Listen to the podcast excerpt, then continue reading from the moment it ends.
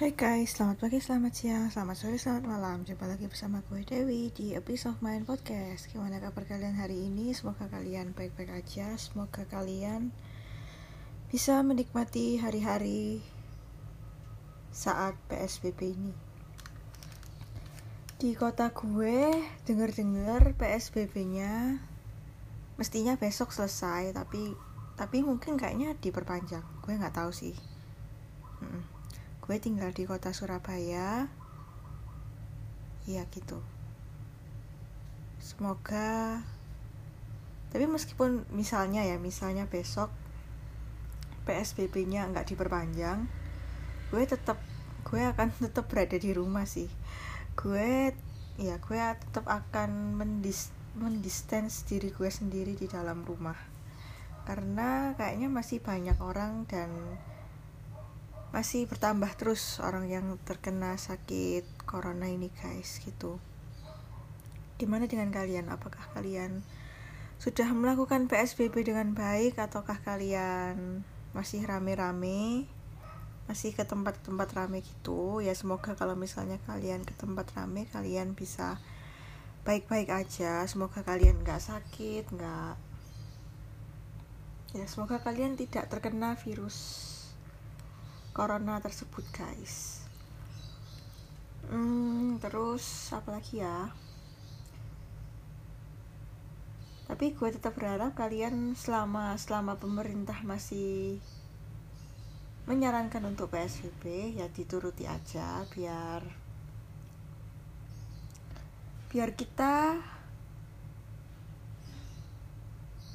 nggak ketularan dan kita juga nggak menulari orang dan kita bisa meringankan beban para para para suster-suster dan dokter-dokter yang ada di rumah sakit gitu guys.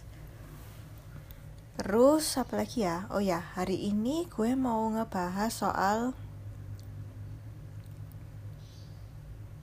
tanda-tanda kalian udah siap menikah. Ya gitu tanda-tanda udah siap menikah Soalnya minggu lalu kan gue ngomongin ketakutan orang kalau menikah. Itu kan kalau takut itu kan berarti nggak siap. Nah minggu ini sesuai janji gue minggu lalu, gue akan ngomongin soal eh, tanda-tanda udah siap menikah gitu guys. Ya kayaknya gitu aja sih pembukaan podcast gue. Oh ya minggu ini gue di rumah aja gue seperti biasa menggambar melakukan pekerjaan freelance gue nggak ada kegiatan lainnya juga jadi ya ya gitu guys. Jadi ya um, ya gitu-gitu aja guys. Sudah nggak nggak keluar rumah juga tetap bangun pagi mandi berdoa olahraga bentar. Kalau kadang-kadang gue masak terus gue kerja ngobrol sama temen malam main kadang main kadang enggak. Ya gitu-gitu aja sih kegiatan gue tapi somehow meskipun keadaan gue begini gue tetap bisa menikmati keseharian gue. Tetap tetap ada aja yang baru ada aja yang menyenangkan ada aja kejadian-kejadian yang nggak gue sangka. Ya gitu. Jadi gue bersyukur meskipun gue di rumah aja gue masih bisa bersyukur dan gue masih bisa menikmati kegiatan-kegiatan gue di rumah. Gitu guys. Semoga uh, ya gue berharap kalian juga sama kayak gue. Gue juga uh, meskipun kita bekerja di rumah meskipun kalian belum bekerja meskipun kalian ada ad, apa? Misalnya mes, misalnya kalian dipecat dari pekerjaan kalian juga ya manfaatkan kesempatan ini untuk beristirahat dan meluangkan waktu kalian untuk melakukan hal-hal yang menyenangkan gitu guys Oke guys, kita langsung aja. Tanda-tanda udah siap menikah. Yang pertama, Anda merasa terpenuhi dan tidak kehilangan ap apa pun. Oh ya, by the way, ini sumbernya ngambil dari Bright Story dan IDN Times. Um, jadi kar karena gue ambil dari dua sumber gitu ya ini cukup banyak jadi mungkin kalau misalnya podcastnya udah kelamaan gue akan lanjutkan episode ini ke episode minggu depan gitu ya guys. Ya oke. Okay. gue lanjutin membaca artikelnya. Ya ampun gue nggak kreatif banget bikin uh, kontennya nyontoh dari website lain. Ya mau gimana lagi gue gue bingung mau ngomongin apa. Ya kalau misalnya kalian pingin gue ngomongin sesuatu coba kalian um, DM Instagram gue di @dewiwijaya underscore 94 Oke okay, guys, gitu. Yang pertama Anda merasa terpenuhi dan tidak kehilangan apa pun. Keterangannya kayak gini. Walaupun sedang jatuh cinta, tapi Anda tetap merasa kurang akan sesuatu. Hal yang tidak dapat Anda temukan di diri pasangan atau bahkan di diri Anda sendiri. Mungkin Anda masih merasa perlu mengejar pendidikan yang lebih tinggi, ingin merasakan pengalaman traveling sendirian, atau mewujudkan keinginan personal lainnya.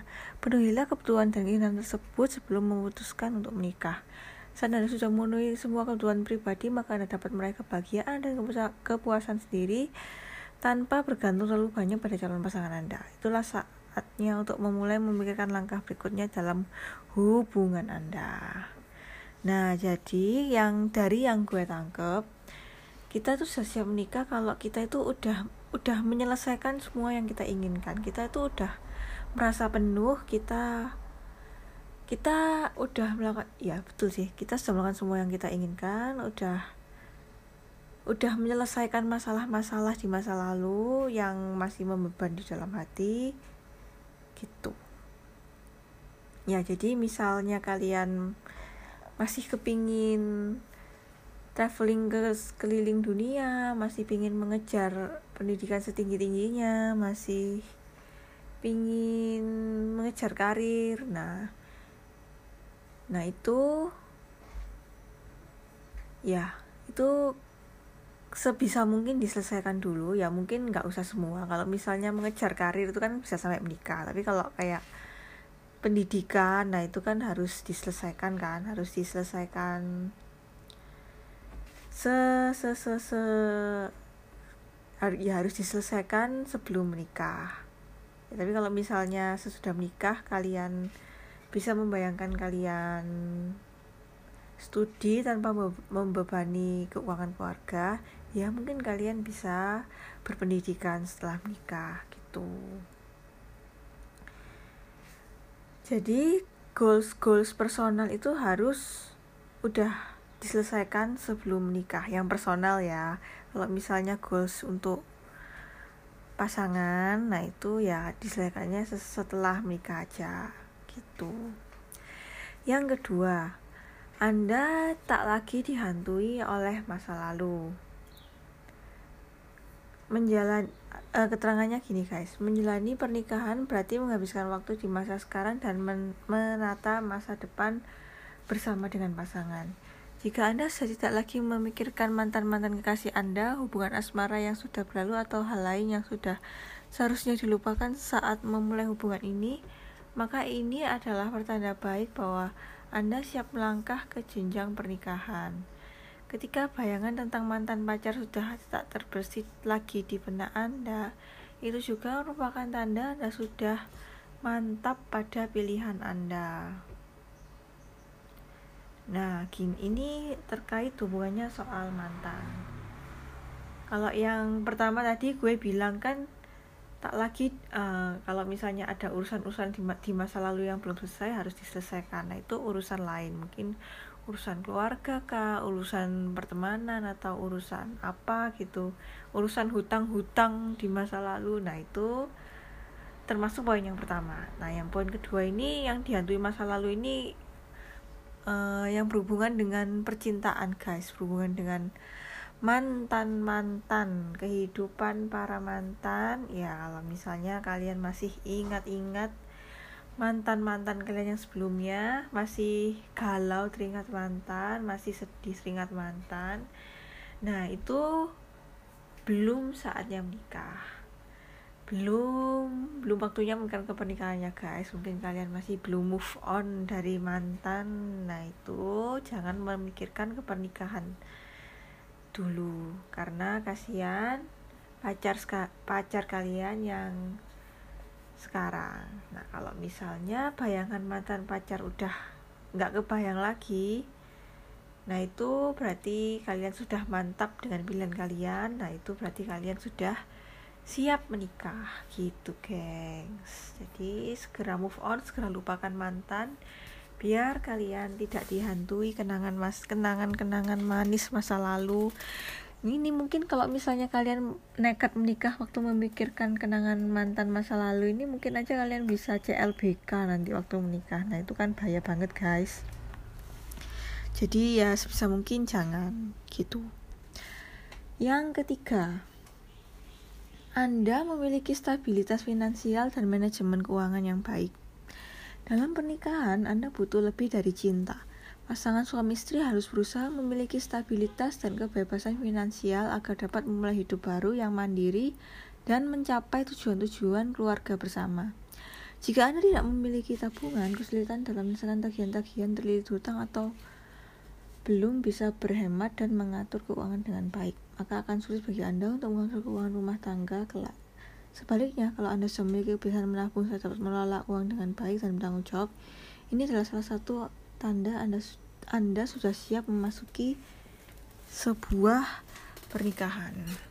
Gitu. Nah, jadi buat kalian yang masih terlilit hutang, ya buat kalian yang belum bisa menabung, belum buat kalian yang keuangannya masih belum stabil, buat kalian yang masih belum memiliki cita-cita atau memiliki planning berbisnis dan ya intinya gitu sih. Pokoknya yang masih belum settle belum masih belum memiliki pemasukan atau seenggaknya tabungan dulu lah guys. Tabungan itu harus punya ya karena banyak kejadian-kejadian tak terduga yang bisa terjadi waktu pernikahan yang membutuhkan uang gitu guys.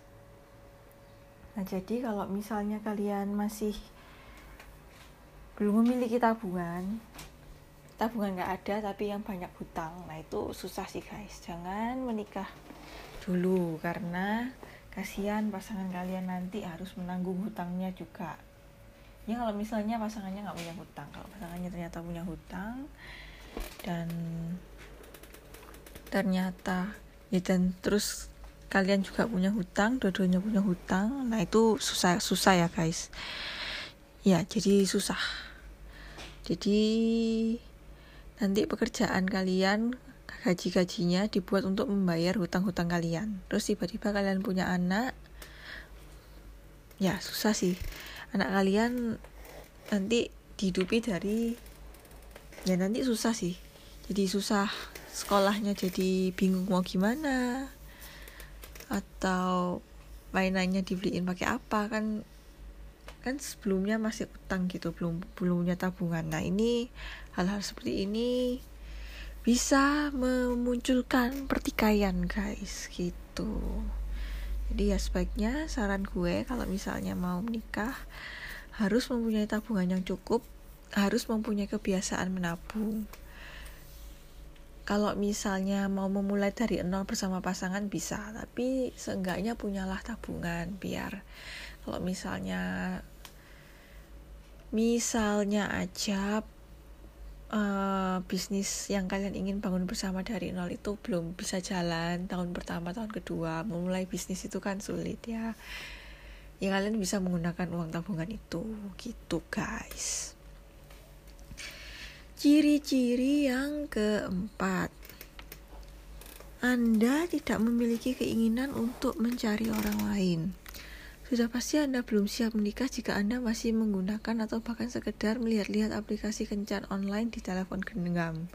Saat Anda berada di sebuah titik kesepian di kesepian kesiapan nikah, Anda akan bahagia dan puas dengan pasangan pilihan Anda. Anda akan mencintai kelebihan, kekurangan, keunikan, serta nilai-nilai yang ia anut. Tak akan ada keinginan untuk mengubah pribadinya menjadi orang lain. Meski datang godaan dari pria lain, Anda, anda hanya akan menganggapnya angin lalu saja karena Anda yakin sudah menemukan sosok yang tepat untuk mendampingi Anda. Nomor 4 ini ada hubungannya sama memilih pasangan ya guys. Jadi kalian harus benar-benar benar-benar apa? Benar-benar yakin sama pasangan Anda biar biar kalian nggak nggak nggak kepikiran untuk nyari orang lain gitu. Ini sesu ini sesuai sama yang gue omong itu ya. Oh oh ya gue gue ada podcast untuk ya cara memilih memilih pasangan hidup di minggu-minggu lalu. Gue lupa minggu keberapa. Kalian bisa scroll scroll kalian bisa lihat-lihat mungkin kalian tertarik gitu ya. Kalian mungkin kalian belum punya pasangan terus kalian ingin mencari gimana sih cara menentukan kriteria yang baik untuk untuk mencari pasangan? Nah kalian bisa scroll podcast podcast gue dan nah kalian bisa cari di situ. Gue ada tips-tips yang menurut gue cukup oke. Okay. meskipun ngomongannya rada ribet maklumi gue belajar ngomong gitu ya biar bisa lebih luas ngomong sama orang gitu. Jadi ya tolong dimaklumi guys. Gitu. Jadi in, kembali ke to, kembali ke topik. An, uh, kalian harus bisa uh, mencintai pasangan kalian sepenuh hati biar biar apa? Biar ya biar kalian nggak cari-cari orang lain gitu. Kalau kalian cari-cari orang lain masih cari-cari orang lain terus kalian pasain menikah Nah, kehidupan pernikahan kalian bisa menjadi tidak harmonis dan bisa terjadi pertikaian.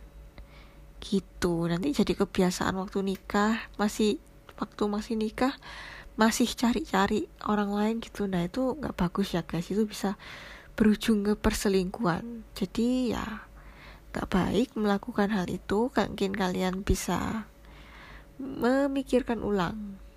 Ya, memikirkan ulang. Kalau misalnya kalian maksud gue kalau misalnya kalian masih suka cari-cari gitu ya suka cari-cari di dating app suka cari-cari pacar baru suka cari-cari gebetan baru nah itu berarti kalian belum siap menikah sama pasangan kalian yang sekarang. Sama kal kaliannya juga belum siap menikah gitu sih. Karena nanti yang kayak gini nih bisa memicu perselingkuhan gitu jadi ya ini harus memilih pasangan yang terbaik yang sebaik mungkin sebisanya sebaik mungkin gitu ya guys. Yang kelima Anda mengenal dan mencintai diri Anda seutuhnya. Identitas seorang wanita sering kali disangkut pautkan dengan status pernikahannya. Namun tak demikian di era modern ini Pribadi Anda yang unik serta berbagai keberhasilan yang telah Anda capai akan menjadi hal yang membentuk jadi diri seseorang sebagai individu. Maka dari itu penting sekali untuk seorang wanita agar dapat memiliki rasa cinta terhadap diri sendiri sebelum ia memberikan cintanya pada suami kelak. Dengan begitu, sang suami akan menjadi sosok yang mengimbanginya, bukan sekedar melengkapi. Jadi apakah Anda sudah mengenal diri sendiri baik secara fisik dan mental? Apakah Anda bahagia dengan jati diri tersebut? Jika iya, maka Anda sudah siap untuk melebarkan kebahagiaan tersebut pada pasangan dalam sebuah pernikahan. Gitu, guys. Jadi sebelum menikah, ya kita harus seperti yang gue bilang di podcast podcast gue sebelumnya, kita harus mencintai diri diri sendiri dulu. Kita harus bisa menerima diri kita sendiri apa adanya. Kita harus bangga sama diri kita sendiri biar kita bisa membagi kebahagiaan untuk orang lain. Jadi menurut gue cinta itu uh, sebelum menjalin cinta kita itu harus bahagia sama diri sendiri baru kita bahagiakan kebahagiaan sama orang lain. Bukannya kita nggak bahagia sama diri sendiri terus kita mencari orang lain untuk memvalidasi diri kita sendiri. Nah, itu tidak benar ya, guys. Kita harus nyaman dulu sama diri kita sendiri baru kita bisa ke jenjang yang selanjutnya. Karena kalau misalnya kalian berekspektasi yang baik-baik terus ke pasangan Anda, ke pasangan kalian, nah itu nggak baik sih soalnya soalnya ya nggak ya nggak baik soalnya pasangan kalian juga manusia. Pasangan kalian juga punya kepentingan sendiri. Ya misal kerja misal apa gitu banyak ya. Tapi ya ya gitu gengs. Hmm, ya jadi cintai diri sendiri dulu sebelum mencari orang lain. Cara mencintai diri sendiri gimana? Ya yang tadi itu uh, menyelesaikan masalah-masalah yang belum selesai. Nah, itu juga bisa menjadi salah satu cara untuk men lebih mencintai diri sendiri. Gitu, guys. Gue punya pengalaman sih, guys. Dulu gue bertengkar sama temen, terus gue, terus gue udah minta maaf sama temen gue. Nah, itu rasanya lega banget. Lega banget karena ya gue udah bisa menyelesaikan masalah masa lalu gue yang udah terben terbenam bertahun-tahun. Keinsecuritisan gue makin lama makin berkurang karena gue bisa menyelesaikan masalah gue gitu guys. Jadi ya gitu. Jadi kalau misalnya keinsecure keinsecurean kalian masih ada di dalam hati nah itu susah sih guys. Kalian akan selalu bergantung sama pasangan. Kalian selalu akan selalu berpikir pasangan harus selalu membahagiakanku kayak gitu guys. Jadi sebaiknya kalian uh, mengenal dan mencintai diri Anda sendiri seutuhnya dan lebih dalam lagi sebelum ke jenjang selanjutnya. Gitu guys. Tanda-tanda siap menikah yang ke-6 Anda tahu betul apa yang Anda inginkan dan tidak inginkan dalam sebuah hubungan di masa remaja, kriteria pasangan idaman Anda mungkin hanya sebatas ketampanan dan romantisme. Namun seiring berjalannya waktu dan bertambahnya pengalaman hidup, kriteria ini mungkin akan menjadi lebih spesifik dan realistis. Anda pun semakin yakin karakteristik seperti apa yang Anda inginkan dan tidak inginkan dalam diri calon pasangan. Misalnya, Anda mencari sosok pria yang baik hati dan bekerja keras serta menghindari pribadi yang kasar dan tidak saling menghormati. Dengan begitu, saat menjalin sebuah hubungan yang serius, Anda dapat langsung melihat apakah calon suami Anda memiliki cara pandang yang sejalan dan pribadi yang dapat menyeimbangkan personalitas Anda. Gitu, guys. Jadi, kalau misalnya kalian udah siap menikah itu, kalian tahu jelas apa yang kalian pingin kalau misalnya yang kalau misalnya kita waktu remaja buat kalian yang masih remaja mungkin kalian akan berpikir kalian ingin yang begini-begini ingin yang begitu-begitu.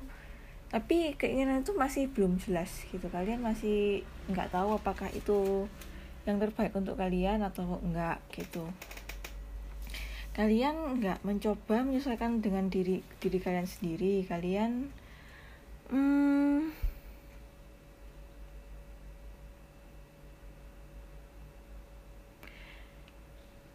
ya gitu. Ininya gitu. Atau mungkin kalau waktu remaja itu keinginan kalian tuh nggak realistis. Kurang realistis bukannya nggak realistis. Misalnya kalian pingin yang kalau remaja kali bukannya nggak realistis sih. Mungkin realistis realistis aja. Tapi kalian tuh lebih fokus ke yang kalian inginkan dan kurang fokus ke dampak ke depannya ya lebih fokus ke iya yang yang kalian rasa kalian pikir enak gitu tapi ternyata nggak juga gitu.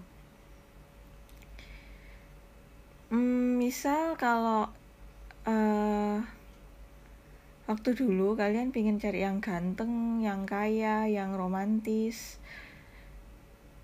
Ya misal misal tadi tadi contohnya kayak gitu ya. Kalian pingin yang ganteng atau yang romantis atau yang kaya terus padahal yang ganteng dan romantis dan kaya itu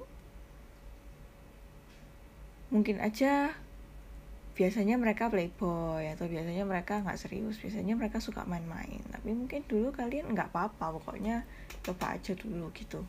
Jadi kalau sekarang waktu waktu kalau misalnya udah siap nikah, mungkin kalian cari yang cari kualitas-kualitas yang mendukung dengan masa depan kalian gitu. Misal cari yang serius cari yang rajin bekerja atau yang bertanggung jawab ya yang kayak gitu-gitu.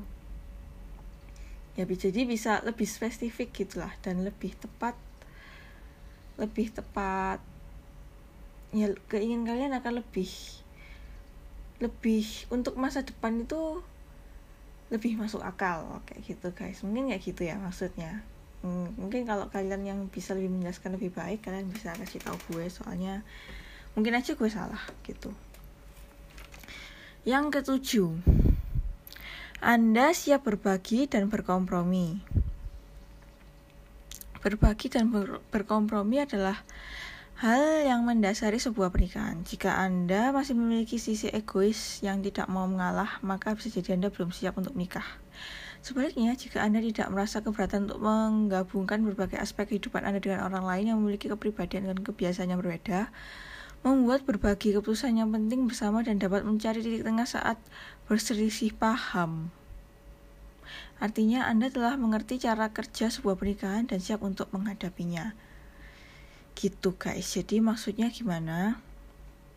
Jadi kalau misalnya kalian belum berkompromi dan belum siap berbagi misalnya kalian masih ada sisi-sisi egois sisi-sisi egois itu gimana uh, misal kalian masih gengsi-gengsian nah itu berarti kalian belum siap menikah misalnya kalian masih mempunyai pikiran um, aku nggak salah. Aku uh, sebaiknya dia yang minta maaf duluan karena aku nggak salah. Nah pikir bukannya bukannya itu salah 100% tapi hmm, ya mungkin ada kalanya kalian harus bersifat keras sama pasangan. Tapi kalau terus-terus begitu itu tidak baik. Itu namanya egois dan hmm, terlalu mengedepankan ego gitu guys. Jadi kalau misalnya kalian masih berpikir uh, kayaknya mending aku menunggu pacarku yang menghubungiku duluan karena dia yang salah. Atau kan dia yang salah harus minta maaf duluan aku misal terus aku terus kalian masih punya pikiran um, uh, aku aku kamu kamu gitu. Ya ya bukannya ini 100% salah nggak boleh ada sama sekali dalam hubungan tapi harus di harus tidak dikedepankan gitu loh guys. Jadi kalian harus lebih berkompromi kalau di sebuah hubungan itu. Harus um, gimana ya hmm, oh misal kalian kalian nggak bener-bener nggak suka sama kelakuan pasangan kalian yang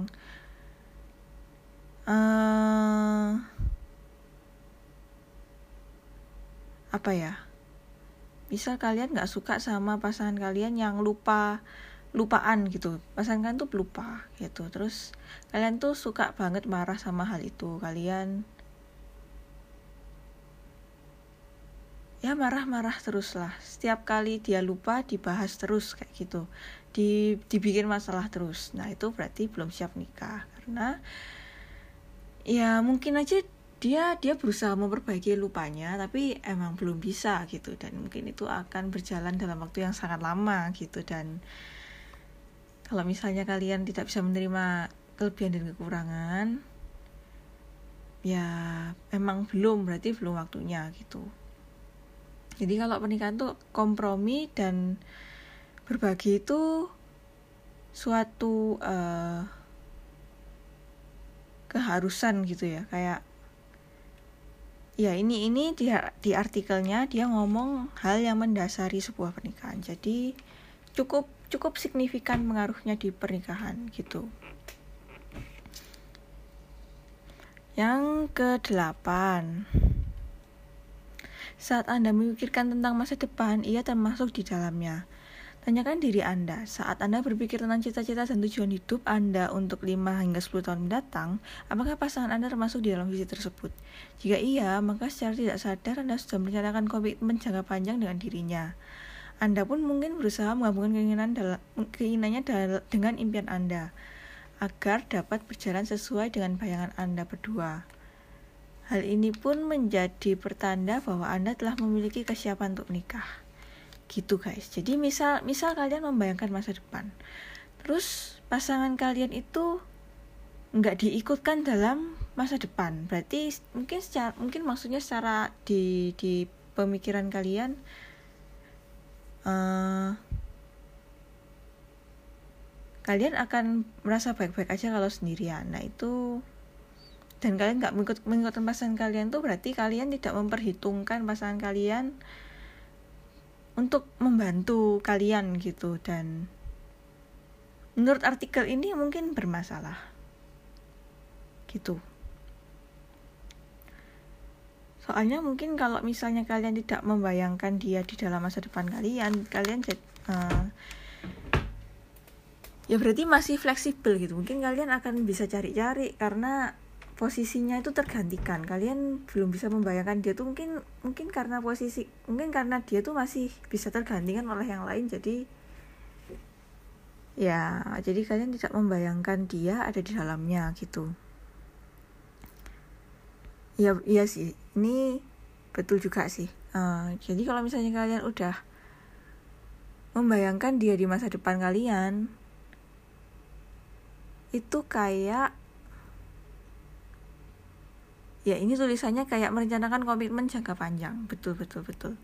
Gue setuju sama mungkin gue setuju sama artikel ini. Mm-mm. kalau misalnya pasangan gue mm, merencanakan komitmen jangka panjang oh, atau kalau misalnya pasangan gue mengikut melibatkan gue di rencana mendatang 5 sampai 10 tahun ke depan ya gue gue itu sesuatu yang romantis sih. Secara nggak sadar itu kayak dia mengajak gue untuk berhubungan yang lebih lama gitu. Tapi kalau misalnya tidak tidak diikutkan ya bisa putus sewaktu-waktu gitu. Uh, dia bisa kayak oh maksud gue kalian tuh bisa kayak gue secara nggak langsung kalian berpikir ada nggak? Ada kamu sama aja. Meskipun ya meskipun itu maksudnya mencintai diri sendiri kalian udah utuh sama diri kalian sendiri tapi ya kalian mungkin tidak ada maksud untuk berbagi kebahagiaan sama mereka gitu. Jadi hmm, ya mungkin kalian belum. Mungkin kalau bukan bukan berarti kalian tidak mencintai pasangan kalian yang mungkin kalian punya pasangan terus kalian berandai-andai tidak ada tidak ada dia di dalamnya. Itu terus kalian belum mencintai mereka belum siap gitu bukan gitu. Tapi ya mungkin emang belum belum waktunya gitu guys. Mungkin masih ada banyak hal yang kalian pikirkan sampai sampai kalian belum mengikutkan dia di dalam rencana mendatang kalian gitu. Jadi ya ya mungkin suatu hari kalian bisa melibatkan pasangan kalian ketika kalian membayangkan masa depan. Nggak harus sekarang kok guys bisanya. Nanti nanti pas hubungan kalian udah lebih lama gue rasa perasaan untuk mengikutkan dia di masa depan kalian itu akan ada gitu. Ya gitu guys.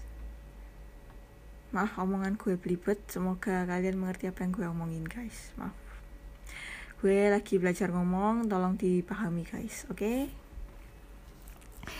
9 anda lebih memikirkan kehidupan pernikahan dibanding dibandingkan acara pestanya.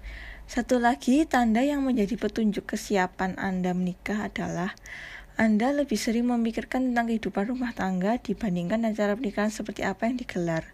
Tidak terlalu penting bagi Anda apakah pestanya akan diadakan secara mewah atau sederhana sesuai impian Anda atau tidak. Namun yang terpenting adalah bagaimana cara Anda memasuki kehidupan pernikahan nanti. Anda lebih lebih fokus pada bagaimana cara menjadi suami dan istri yang terbaik untuk satu sama lain serta selalu berusaha untuk mencintai, menghormati, dan saling menyayangi bahkan saat masalah melanda sekalipun. Gitu guys. Jadi menurut kalian pesta itu tidak penting. Pesta itu ya cuma selebrasi aja pesta itu bukan bukan garis akhir gitu loh guys bahkan itu merupakan awal dari kehidupan yang baru. Dan kalian tuh sadar akan hal ini gitu. Um, pestanya tuh nggak penting tapi yang setelahnya itu yang lebih penting. Uh, anda mungkin kalian bisa enggak maksudnya kalian lebih fokus ke diri kalian pribadi kalian untuk menjadi suami dan istri yang baik daripada kalian menyiap berusaha menyiapkan uang untuk pernikahan. Bukannya uang untuk pernikahan itu tidak penting ya. Kalau misalnya orang tua menginginkan itu ya penting-penting saja. Tapi itu bukan prioritas kalian. Itu kalian tuh sadar betul kalau pesta acara pestanya ini nggak gitu penting gitu guys. Yang penting itu kehidupan setelahnya. Nah kalian tuh sadar betul akan hal ini berarti kalau misalnya kalian, kalian udah tahu kalau ini tuh bukan garis akhir kalian tuh akan menyiapkannya lebih matang. Kalian itu akan belajar lebih matang untuk menjadi untuk menjalani kehidupan keluarga yang lebih baik yang susah senang bersama kaya miskin bersama. Nah ya gitu-gitu tuh loh guys. Soalnya banyak orang mungkin uh, ini ditulis di artikel karena banyak orang yang berpikir kalau pernikahan itu merupakan garis akhir. Padahal ya bukan gitu. Karena kehidupan setelahnya itu akan jauh lebih menantang dan jauh lebih sulit setelah pesta pernikahan itu guys. Gitu. 10 Anda merasa aman? Saat Anda sudah siap untuk menjalani sebuah pernikahan, Anda akan memiliki rasa aman yang mungkin tidak Anda miliki sebelumnya. Anda tak lagi mencari validasi dari orang-orang sekitar. Anda telah puas memenuhi semua impian dan cita-cita di masa muda dan siap untuk membuat impian baru yang lebih dewasa. Anda juga merasa aman dengan hubungan bersama pasangan yang penuh rasa saling percaya. Anda siap untuk menikah jika hati kecil Anda berkata demikian dan tidak ada keraguan dalam diri Anda. Menikah menjadi sebuah pilihan yang masuk akal karena Anda memang ditakdirkan untuk hidup dengannya. Waduh, ini sangat romantis ya guys. Anda akan memiliki rasa aman yang mungkin tidak Anda memiliki sebelumnya. Hmm, gimana ya maksudnya? Ya mungkin kalau dengan orang ini kalian akan merasa aman. Anda, kalian, um, meskipun orang-orang menentang, ya ini ini kalau misalnya dilihat secara ekstrim sih nggak baik ya. Tapi iya jadi kayak gitu kalau meskipun uh, anda tidak lagi mencari validasi dari orang-orang sekitar ya jadi ya anda uh, nggak apa nggak nggak mencari validasi itu gimana ya maksudnya? Mungkin maksudnya itu kalian tidak mencari validasi dari orang luar untuk um, menganggap kalian tuh pasangan yang bahagia gitu. Anda tidak kalian tidak ini mungkin maksudnya diri sendiri ya oh ya ini mungkin maksudnya diri sendiri bukan orang lain. Oh bukan secara couple ya yang gimana ya?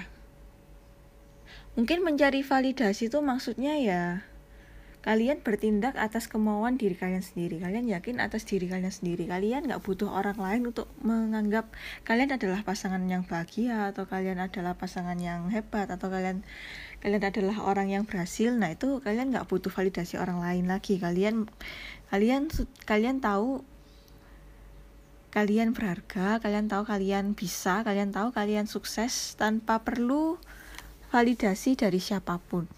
Kalian bisa bahagia tanpa perlu tanpa perlu likes Instagram dari orang lain. Mungkin kayak gitu ya. Kan kalau sekarang orang-orang kalau fotonya nggak bagus terus like-nya sedikit merasa insecure gitu. Insecure kalau hmm, kalau apa insecure kalau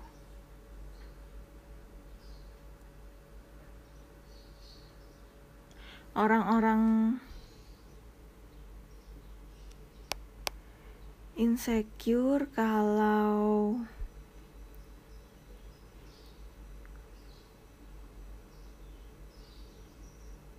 Oh ya, insecure kalau likes-nya tuh sedikit. Kalau likes di Instagram itu sedikit. Terus kalau misalnya kalian tidak butuh validasi lagi itu ya kalian nggak peduli gitu. Kalian mau leksnya sedikit mau leksnya banyak atau bahkan mungkin kalian nggak post di Instagram sama sekali soalnya kalian sibuk dengan kehidupan kalian yang bahagia gitu dan nggak butuh validasi orang. Mungkin kayak gitu ya Terus apalagi Anda juga akan merasa aman dengan hubungan bersama pasangan yang penuh dengan rasa saling percaya. Jadi mungkin kalian dan pasangan kalian tuh udah saling percaya, jadi kalian merasa aman dan kalian nggak ada rasa curiga dia akan selingkuh atau kalian juga tidak tidak tidak berniat mencari orang lain terus dan kalian merasa kalau dia itu bisa menjadi pasangan kalian yang baik, partner yang baik di masa depan. Terus anda benar-benar yakin kalian sudah ditakdirkan bersama dan kalian juga tidak ada rasa ragu. Nah, itu guys, itu tanda-tanda kalian sudah siap menikah dengan pasangan kalian. Gitu. Terus ini arti tadi kan artikel yang dari website Bread Story yang ini artikel eh enggak tadi itu artikel ya tadi itu artikel dari website Bright Story. Nah sekarang ini artikel dari website IDN Times. Gitu. Ini kayaknya akan jauh lebih singkat karena nggak ada keterangannya. Jadi gue tinggal menerjemahkan sendiri. Ya semoga tidak salah gitu ya. Hmm, yang pertama kamu tahu betul prioritasmu dan pandai mengaturnya ya gitu guys. Jadi kalian tuh tahu apa yang penting di dalam kehidupan kalian. Kalian tahu apa yang tidak penting. Terus kalian tuh bisa stick dan melakukan yang kalian prioritaskan. Jadi kalian tuh nggak keteteran gitu. Jadi kalian hmm, bisa tahu apa yang penting dan bisa tahu apa yang tidak perlu. Ya, jadi misal kalian kalian bekerja. Terus kalian uh, punya pilihan untuk jalan-jalan. Terus uh, waktu oh enggak gini-gini kalian bekerja kalian harus menyelesaikan pekerjaan kalian terus kalian diajak teman main diajak teman kalian main. Nah kalian tahu kalian harus mengerjakan pekerjaan kalian ya maka kalian mengerjakan pekerjaan kalian. Kalian bukan malah mengikuti keinginan teman kalian yang mau main gitu. Jadi ya ya itu namanya tahu prioritas. Itu yang penting kan ya memang pekerjaannya guys gitu. Atau misalnya kalian kalian lagi sekolah terus kalian ada tugas dari sekolah uh, nah kalian tahu betul kalau sekolah itu mengerjakan tugas itu lebih penting karena ada batas waktunya daripada bermain. Kalau bermain kan bisa kapan aja ya guys. Kalian bisa bermain Sabtu atau Minggu, kalian bisa bisa bermain waktu kalian selesai mengerjakan tugas. Tapi kalau misalnya tugas, mungkin tugasnya itu harus dikumpulin besok gitu dan kalian tuh harus mengerjakannya sekarang. Kalau nggak sekarang nanti terlambat mengerjakan tugasnya gitu misalnya. Nah kalian tahu kalau kalian tuh harus mengerjakan yang tugas ini dulu sebelum bermain gitu. Nah itu itu salah satu kriteria kalian sudah siap menikah gitu. Tak kedua Time managementmu walau belum sempurna, tapi setidaknya sudah berjalan lebih baik setiap harinya. Bentar guys, gue haus, gue mau minum.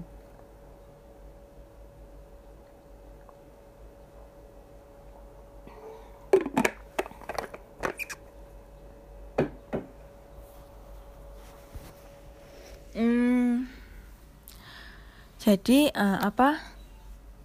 Um, Ini sebenarnya kayak yang tadi sih. Kalian pandai mengatur waktu. Tapi sudah berjalan oh ya mungkin kalian um, bisa mengatur waktu kalian gitu kak. Um, gimana ya? Iya ini menurut gue sih member-member mirip-mirip sama yang pertama sih. Ya kalian bisa mengatur waktu kalian dengan baik. Kalian tahu apa yang harus kalian kerjakan setiap hari. Kalian jam segini sudah tahu kalian jam segini jam segini mau ngapain aja. Meski kadang-kadang jadwal kalian tidak tidak apa berantakan meskipun kalian kalian sering tergoda dengan hal-hal yang duniawi. Misal kalian uh, sering tergoda dengan ajakan teman tapi seenggaknya mungkin 60-70% kalian sudah bisa memenuhi jadwal kalian dengan baik. Nah gitu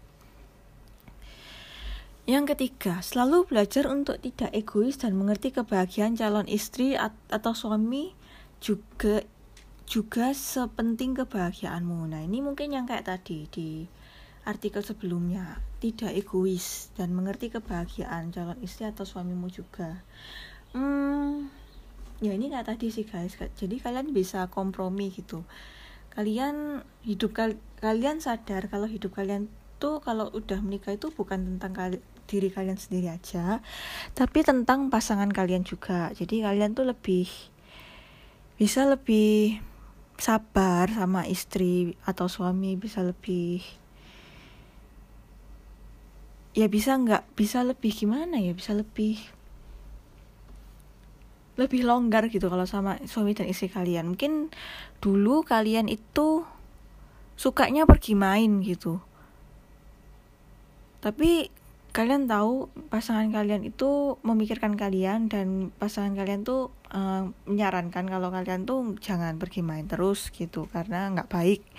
Misalnya gitu. Nah mis mungkin kalau kalian belum siap menikah kalian nggak peduli. Pokoknya aku senang aku happy ya pergi aja. Atau misalnya kalian um, kalian punya duit terus duit kalian tuh kalian hambur-hamburkan ke hal-hal yang menyenangkan uh, kalian menuruti keinginan kalian tapi kan waktu menikah nggak bisa gitu. Waktu menikah kalian harus memikirkan yang lain. Kalian nggak bisa egois uang kalian harus dibuang ke hal-hal yang kalian suka aja. Tapi juga harus dipakai untuk rumah tangga. Nah itu mungkin juga contoh ke e ketidak egoisan yang kalian perlukan untuk bisa menikah gitu uh, kalau untuk yang soal main tadi nah kalian main terus. Kalian kalau misalnya belum siap kalian akan main terus. Kalian akan keluar rumah terus. Kalian tidak memikirkan perasaan istri atau suami kalian. Jadi kalau kalian udah siap nikah ya kalian akan mungkin lebih menghabiskan waktu bersama pasangan kalian gitu. Nah itu juga contoh agar tidak egois. Kebahagiaan istri istri atau suami juga sebenarnya kebahagiaanmu. Jadi mungkin kalau misalnya kalian melihat suami kalian bahagia kalian juga ikut bahagia. Mungkin kayak gitu ya kalau misalnya mau diromantis romantisin yang keempat selain bisa memimpin dirimu sendiri kamu juga bisa memimpin orang terdekatmu. Hmm, ini mungkin buat cowok ya. Kalau buat cewek mungkin buat cewek penting. Soalnya kan kalau misalnya punya anak ya harus bisa memimpin anak-anaknya gitu ya. Tapi kalau cowok kan kepala keluarga. Tapi kalau sekarang kayaknya nggak gitu ngaruh ya. Kayak kayaknya cowok cewek sama aja gitu ya.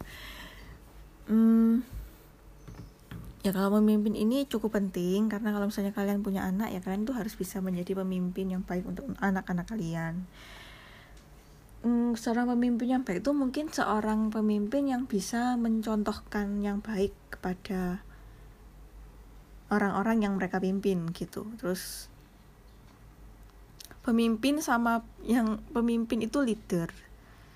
Ya leader itu harus mencontohkan yang baik dia itu yang mendahulukan kesejahteraan yang mereka pimpin daripada kesejahteraan dirinya sendiri. Mereka tidak sekedar menyuruh tapi membimbing gitu guys. Jadi kalau misalnya kalian punya anak buah terus anak buah kalian kalian suruh-suruh semena-mena terus kalian tidak melakukan apa-apa. Nah itu bukan contoh leader yang baik bukan contoh pemimpin yang baik. Gitu.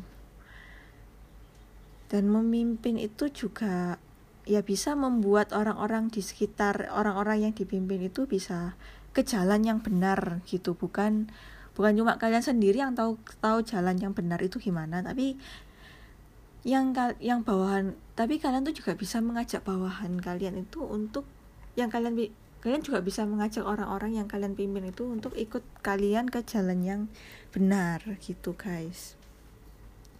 Gimana caranya? Ya mungkin tiap orang mempunyai cara memimpin yang sendiri-sendiri. Gue nggak tahu sih caranya sejujurnya.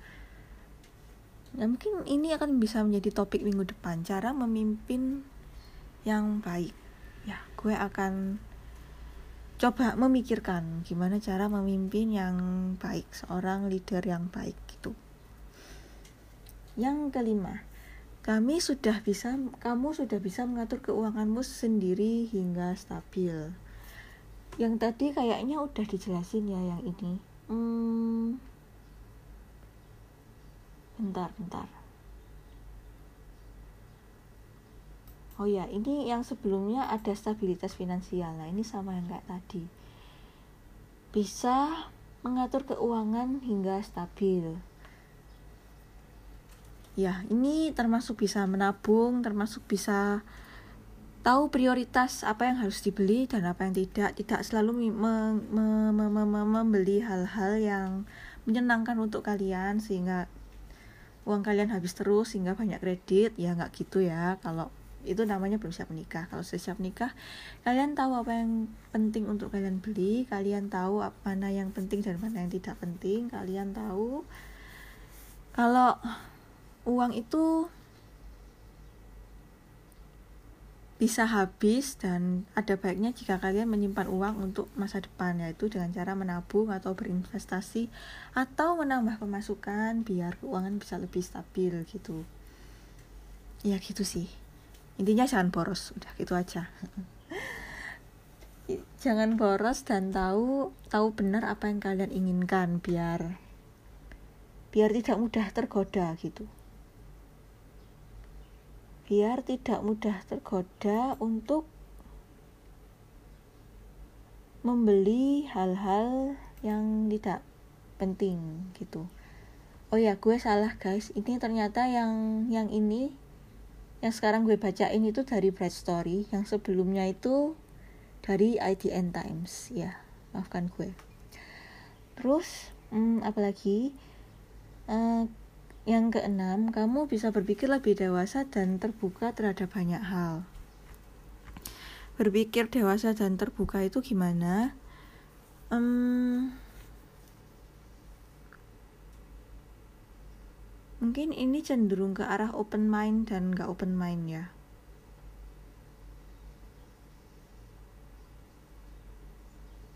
Uh, sebentar ya gue gue akan mencoba membaca lebih lanjut biar gue bisa menerangkan dengan baik ke kalian.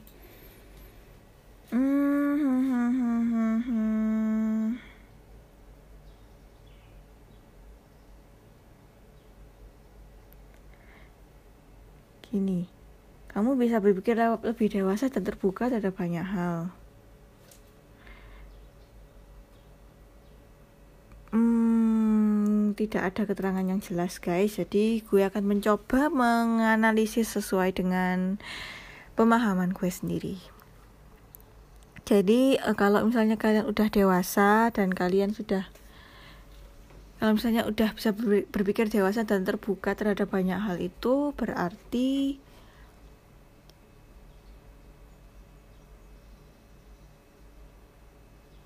ya kalian tuh jadi kalian tuh open minded kalian itu tahu prioritas kalian kalian bisa bertanggung jawab kalian tahu bahwa hidup kalian itu bukan milik kalian sendiri. Kalian bisa terbuka dengan banyak pendapat orang kalian bis uh, bukannya bukannya kalian insecure dengan pendapat orang ya tapi kalian terbuka diberi pendapat tapi kalian tahu mana yang pendapat yang bagus dan mana pendapat yang tidak sesuai dengan kalian gitu.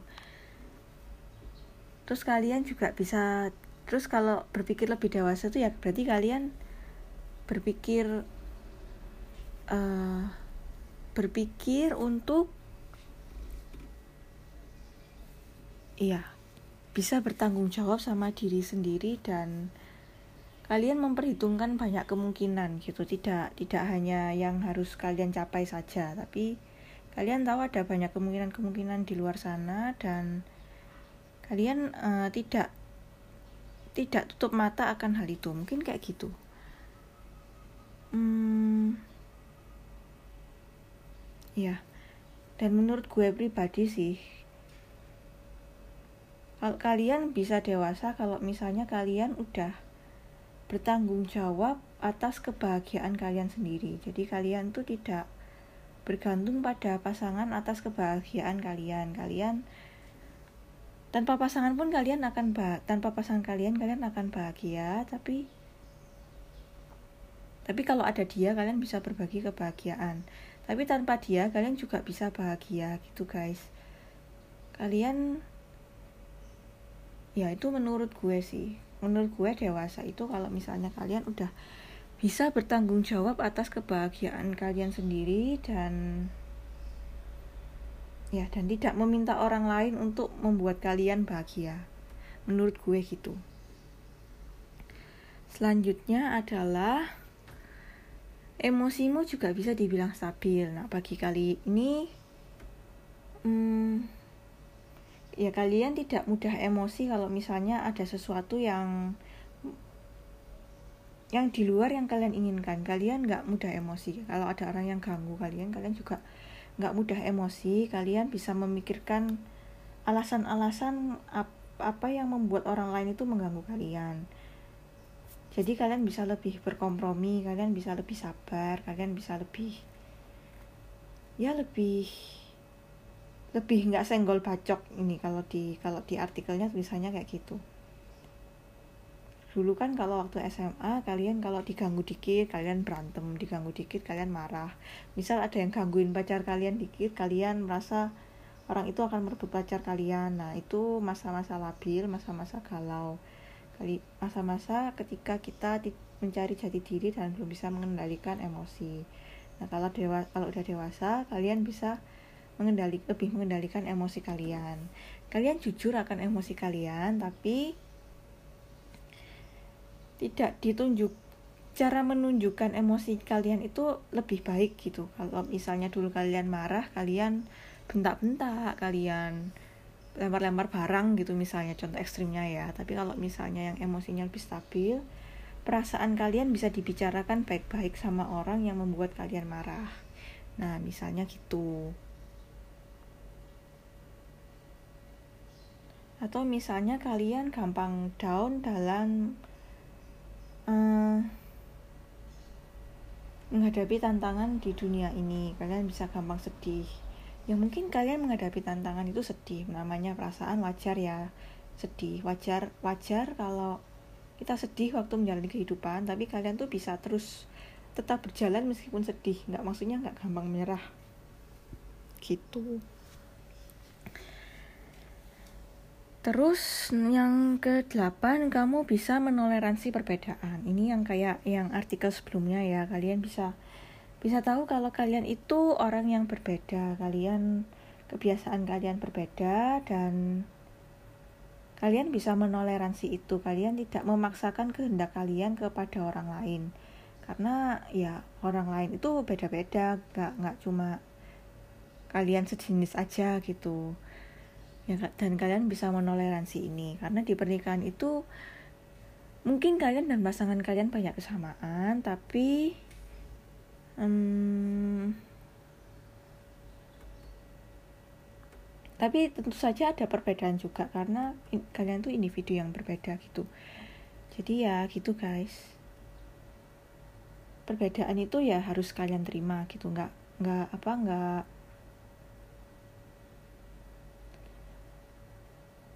hmm, ya nggak kalian tidak memaksakan kehendak kalian ke pasangan kalian gitu hmm, ya gitu sih yang selanjutnya, kamu sadar betul hidupmu gak akan sebebas pas kamu single. Ya ini betul banget. Mungkin di minggu lalu gue bilang ada gue bilang kalau kalian individu yang berbeda, uh, jadi diri kalian gak akan hilang meskipun kalian menikah dan kalian bisa masih bisa bekerja, masih bisa melakukan yang kalian inginkan dan pernikahan itu bisa membebaskan satu sama lain. Tapi ya meskipun begitu ya eh, nggak uh, bisa sebebas sebelumnya karena ya kalian juga harus memikirkan perasaan pasangan kalian. Kalian harus memikirkan keluarga kalian gitu mungkin kalian masih bisa bekerja tapi kalian bisa punya tempat untuk pulang. Kalau kerja nggak boleh langsung main-main gitu. Misalnya kayak gitu. Mungkin dulu kalian main-main sama temen sekarang main-mainnya sama keluarga gitu.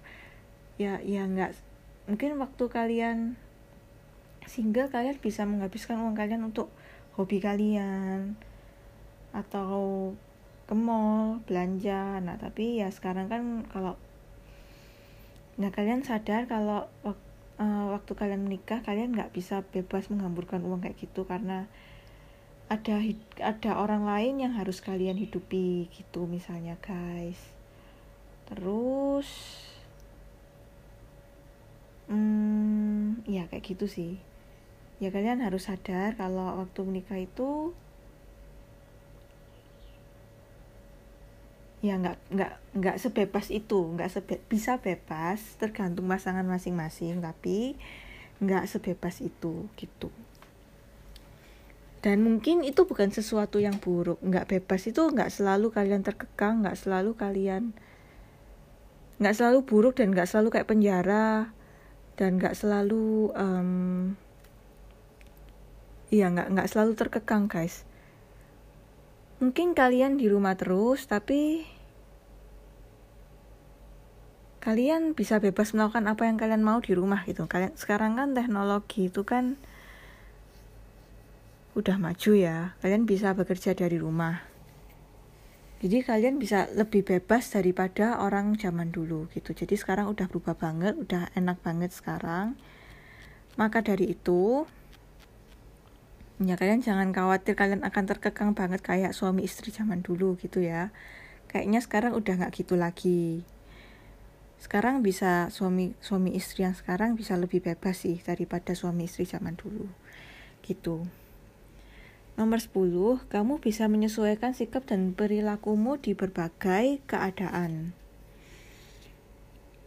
Nah, ini ya ini maksudnya mungkin kalau misalnya gue bacakan keterangannya dulu ya. Hal ini memang gak gampang loh guys, tapi kalau kamu bisa menempatkan dirimu sebagai situasi dan kondisi, berarti kamu sudah selangkah lebih siap untuk menikah. Bayangkan ketika kamu menikah nanti kamu juga akan berinteraksi dengan teman atau kolega suamimu atau istrimu. Kalau kamu gak bisa menempatkan diri dan berinteraksi dengan baik kasihan suami istrimu juga kan? Kalau ini menurut gue ini penting-penting gak penting sih menurut gue. Hmm, mungkin ini maksudnya ya biar kita bisa berbaur dengan keluarga suami atau istri masing-masing gitu. Tapi ya penting juga sih. Mungkin kalian bisa tahu bagaimana cara bersikap di depan keluarga suami atau istri kalian gitu. Bukannya nggak menjadi diri sendiri ya guys tapi lebih sopan mungkin ya. Mungkin kalau misalnya di rumah kalian kalian sama suami kalian itu bisa lebih santai. Tapi kalau di keluarga kalian eh, mungkin ada ada ekspektasi ekspektasi dari keluarga keluarga pasangan yang membuat yang yang harus kalian yang harus kalian apa? Yang harus kalian penuhi gitu. Makanya gue ini bilang penting dan nggak penting sih. Soalnya menurut gue memenuhi ekspektasi semua orang itu nggak bagus juga sih. Lagian kan kalian menikah itu sama suami kalian. Masa kalian harus menyenangkan hmm, anggota keluarganya juga. Tapi mungkin di saat tertentu mungkin saat kumpul-kumpul keluarga nggak ada salahnya kalian lebih sopan. Maksudnya kan toh sekali-sekali juga gitu ya mungkin mungkin kalau misalnya kalian yang suka bercanda sama suami kalian itu yang uh, yang kurang sopan kalau misalnya diperlihatkan ke keluarga. Nah waktu sama keluarga bisa dikurangi bisa lebih sopan gitu ngomongnya. Atau mungkin kalian yang biasanya gerasa gerusu terus suami kalian sudah memaklumi tapi keluarganya kok belum memaklumi kalian yang kerasa gerusu ya mungkin kalian bisa sedikit lebih tenang gitu kan cuma sebentar. Tapi ya tentu saja. Tapi tapi gue tetap merasa uh, nggak apa-apa sih. Nggak apa-apa kalau kalian ya jadi jadi apa adanya di depan keluarga suami kalian. Tapi yang jelas harus sopan aja guys. Jangan ya jangan nggak sopan juga karena demi jadi diri kalian sendiri gitu. Gitu ya nggak nggak gitu juga. Tetap harus sopan gitu guys. Ya mungkin ya ya jadi diri kalian sendiri cuma lebih sopan udah gitu. Harus pintar menempatkan diri mungkin kayak gitu. Ya ini nggak ada penjelasan lebih lanjut jadi gue kurang ngerti. Buat kalian yang ngerti kalian bisa kontak gue ke instagram gue @dewiwijaya underscore 94 gitu tapi meskipun gue nggak bisa jelasin tapi somehow gue ngerti sih. Soalnya gue gitu. Kalau gue di gue dihadapkan orang yang berbeda sikap gue itu bisa beda. Entah kenapa. Kalau misalnya di keluarga ini sikap gue kayak gini kalau misalnya di keluarga ini sikap gue bisa berubah gitu. Sesuai dengan lingkungan atau keadaan yang sedang gue hadapi. Tapi gue nggak bisa menjelaskan di sini uh, ya gue nggak bisa menjelaskan di sini tapi gue somehow ngerti gitu. Aneh sih gue gue ya gue aneh. Selanjutnya um, kriteria selanjutnya kamu gak akan mengambil keputusan berdasarkan perasaan. Uh, ya misalnya kita dulu kita membeli barang itu pakai perasaan. Aku merasa aku pingin ini aku pingin ini langsung beli gitu tapi uh, ya kayak gitu. Tapi sekarang kalian kalian berpikir secara logis apakah kalau misalnya aku membeli barang ini aku bisa survive sebulan ke depan? Gitu. Atau misalnya um, Iya, keputusan yang kalian bikin itu berdasar itu uh, berefek jangka panjang gitu. Nggak bukan karena keinginan keinginan kalian. Misal kalian kalian kalian sekarang adalah pekerja kantoran, terus kalian punya tugas saat di kantor. Tugasnya harus selesai besok. Terus kalian merasa itu kalian benar-benar merasa kalian itu ingin main. Padahal kalian harus mengerjakan pekerjaan kalian.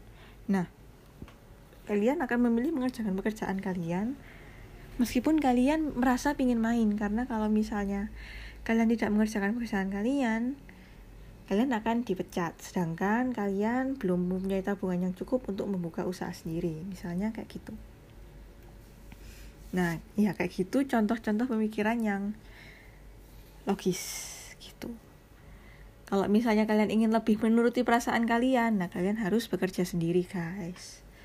Biar kalian bisa lebih free dalam menjalani hidup gitu guys uh, out of topic ya tapi ya kayak gitu gitu.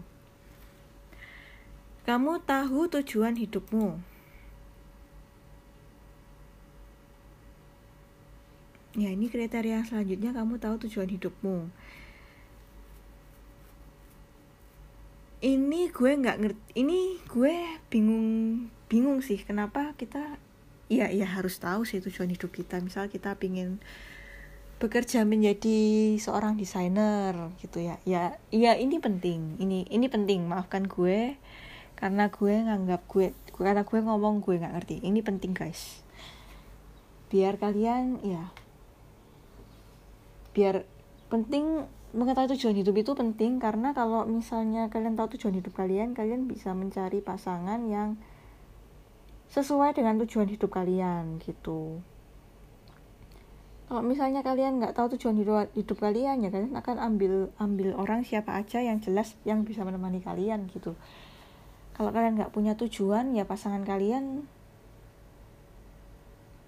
akan random gitu guys. Kalian nggak akan mempunyai sesuatu yang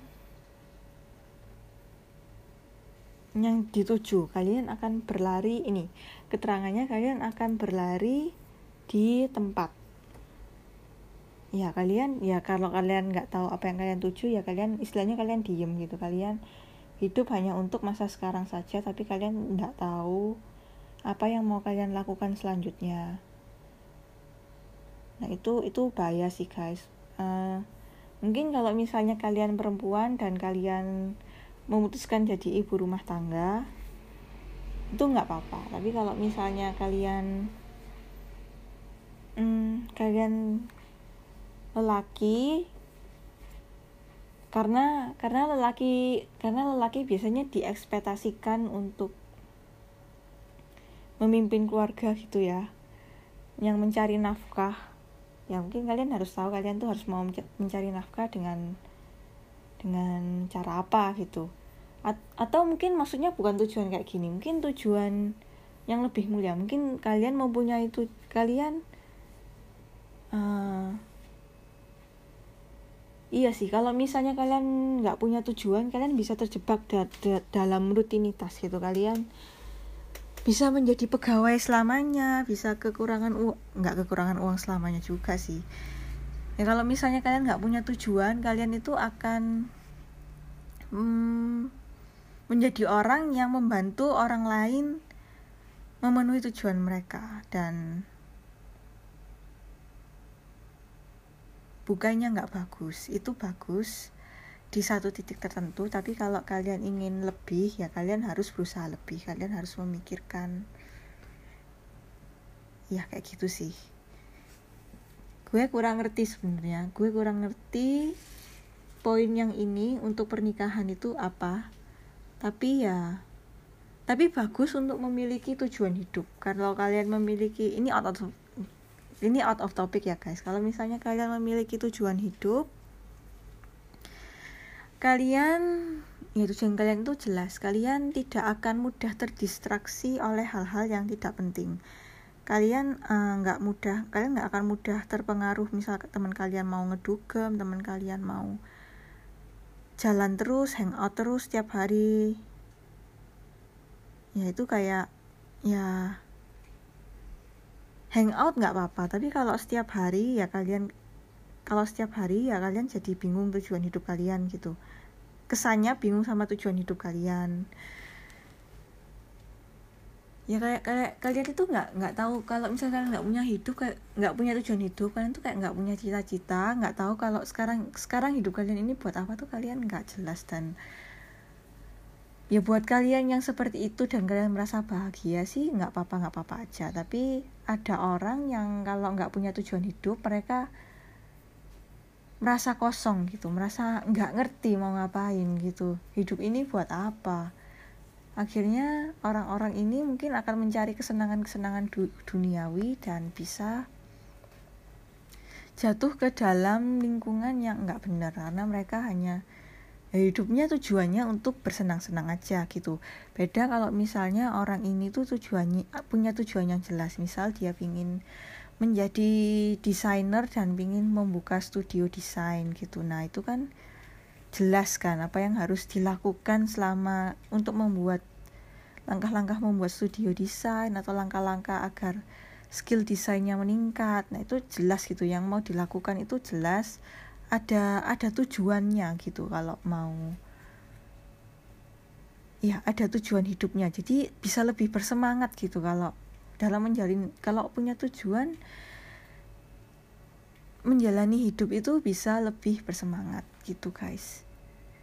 Bukan bukan berarti bersenang-senang itu salah. Gue tidak bilang bersenang-senang itu salah tapi kalau kebanyakan dan dalam keadaan kalian tidak mempunyai tujuan hidup nah itu kayak kalian nggak tahu batas di mana kalian harus bersen gimana dan seberapa banyak kalian harus bersenang-senang itu gitu loh guys. Jadi kalian akan bersenang-senang terus dan lama-lama kesenangan itu akan membuat kalian bosan dan kalian akan merasa hampa. Ya menurut gue gitu. Ya kayak gitu guys jadi tujuan tujuan hidup itu penting ya untuk membuat kalian semangat menjalani hidup dan tidak ya dan agar kalian tidak merasa hampa gitu mungkin ya. Hmm ya gitu. Mungkin nggak gitu guys. Next. No, alasan 13 kamu sadar bahwa ketika menikah nanti belum tentu impianmu bisa terwujud. Ya betul guys. Uh, kalau kalian menikah belum tentu impian kalian itu bisa terwujud karena kecuali kalau misalnya kalian memilih pasangan yang tepat ya ini inilah pentingnya mm, memilih pasangan yang tepat ya guys. Uh, pasangan yang tepat itu yang kalian tuh bisa mendukung satu sama lain gitu. Untuk untuk apa untuk memenuhi keingin keimpian kalian masing-masing. Kalian untuk berjalan ke arah yang sama itu ya akan sangat membahagiakan sih. Tapi tentu saja meskipun kalian udah ngeblend meskipun impian kalian udah sama tapi kadang Tuhan merencanakan yang lebih baik dan ada impian-impian yang belum bisa terwujud gitu. Banyak banyak kenyataan-kenyataan yang menghadang yang me me me membuat ya gitu. Banyak kenyataan-kenyataan yang hmm,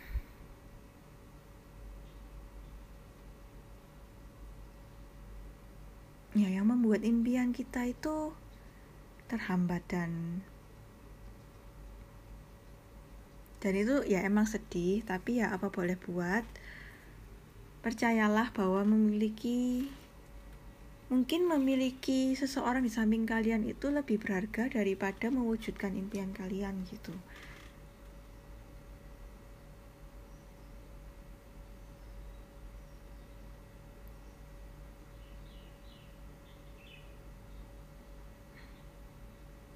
Ya intinya sih menurut gue um, setelah menikah kemungkinan yang terjadi itu banyak dan ada impian-impian yang mungkin tidak bisa terwujud, tapi kalian akan mempunyai impian baru yang lebih indah sih menurut gue, gitu. Tidak semua orang bisa mencapai impiannya setelah menikah. Ya, kalau mau tetap dengan rencana plan awal bisa, tapi mungkin akan lebih keras gitu ya usahanya. Tapi ya terkadang kenyataan membuat kita harus merombak impian dan ya merombak impian ke ke arah yang lebih baik gitu mungkin ya banyak keadaan-keadaan yang mengharuskan kita melakukan itu gitu karena gue menikah gue tidak karena gue belum menikah gue tidak bisa mencontohkan. Tapi melihat kehidupan pernikahan orang-orang ya rasanya emang gitu sih. Ya kayak gitu. Ya jadi menurut gue solusinya sih kalau misalnya kalian benar-benar ingin mewujudkan impian kalian ya kalian mencari pasangan yang sama. Pasangan yang sama seperti kalian pasangan yang tujuan hidupnya tuh sama kayak kalian. Gitu guys. Yang terakhir kamu siap berkorban untuk keluargamu baik suami atau istri dan anakmu. Ya seperti yang dijelaskan sebelum-sebelumnya kehidupan kita itu waktu menikah nggak cuma kita sendiri aja tapi sama orang lain juga. Jadi ya di sini sih di, mereka bilang keluargamu adalah rumahmu. Rumahmu adalah keluargamu. Jadi keluarga itu tempat untuk pulang gitu guys. Hmm,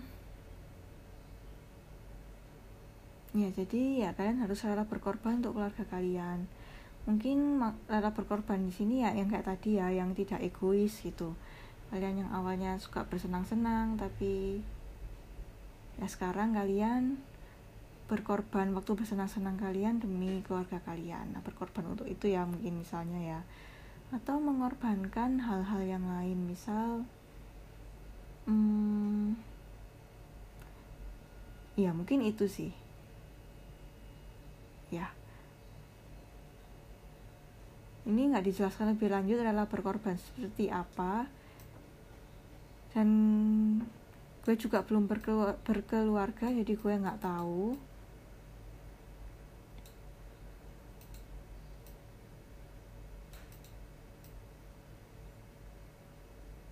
Ya yang ya gue udah mencoba berpikir tapi tidak ada apa pun yang yang keluar di otak gue. Ya mungkin karena gue belum mengalami aja gitu. Berdarah berkorban seperti apa ya? Mungkin ketika kalian ingin membeli kalian ingin membeli barang yang sudah kalian inginkan zaman dulu tapi tiba-tiba anak uang sekolah jadi tiba-tiba kalian mempunyai anak terus kalian harus membiayai susu, popok, dan lain-lainnya demi anak kalian. Dan kalian harus merogoh uang yang kalian kumpulkan demi hobi. Untuk hobi kalian itu uh, dialokasikan untuk anak-anak kalian. Mungkin kayak gitu rela berkorbannya, iya. Iya, kayak gitu guys, kayak gitu. Ya. Ya itu sih guys. Uh, ciri-ciri tanda-tanda kalian udah siap nikah kalian bisa search di IDN Times dan di Bright Story kalian bisa baca sendiri mungkin biar kalian lebih paham gitu ya Nah sampailah kita di penghujung podcast ini guys. Ya ampun gue ngomong lama banget. Gue sampai sempat ketiduran tadi Karena gue ngantuk banget Terus gue lanjutin setelah gue bangun. Dan ya ya sekarang gue pingin minum yang banyak. Gitu ya. Ya semoga uh, gue harap podcast gue kali ini membantu kalian buat kalian yang belum tahu mungkin buat kalian yang mau menikah kalian merasa sudah mempunyai semua kriteria ini kalian bisa langsung menikah buat yang ternyata belum belum memenuhi kriteria kriteria ini ya mungkin kalian bisa berpikir ulang semoga podcast gue menghibur. Semoga podcast gue ada gunanya. Kalau misalnya ada salah-salah kata, gue meminta maaf. Gue tidak bermaksud. Gue membuat podcast ini hanya semata-mata untuk agar gue bisa belajar ngomong aja, agar gue bisa belajar untuk berstorytelling. Meskipun akhirnya gue membaca, gue gue merasa gue harus mengeluarkan ide-ide gue sendiri sih. Tapi ya mau gimana lagi gue kehabisan ide guys. Gue nggak tahu mau ngomongin apa sebenarnya. Kalau misalnya kalian punya ide atau saran atau apa pun yang ingin kalian sampaikan ke gue silahkan ke instagram gue ada wiwijaya underscore 94 dan ya gue akan mengingatkan kalian lagi mungkin mungkin buat kalian yang masih mampu melakukan PSBB sebisa mungkin di rumah aja, jangan keluar-keluar biar kalian tidak menulari dan tertular virus-virus COVID-19 di luar sana, guys. Ya. Semoga kalian baik-baik aja minggu ini. Semoga minggu ini kalian sehat. Semoga kalian bisa menyelesaikan masalah-masalah kalian sehari-hari. Semoga kalian bisa berbahagia minggu ini. Semoga hidup kalian lancar. Nah gitu aja guys minggu ini makasih udah mau dengerin gue Selamat pagi, selamat siang, selamat sore, selamat malam. Dadah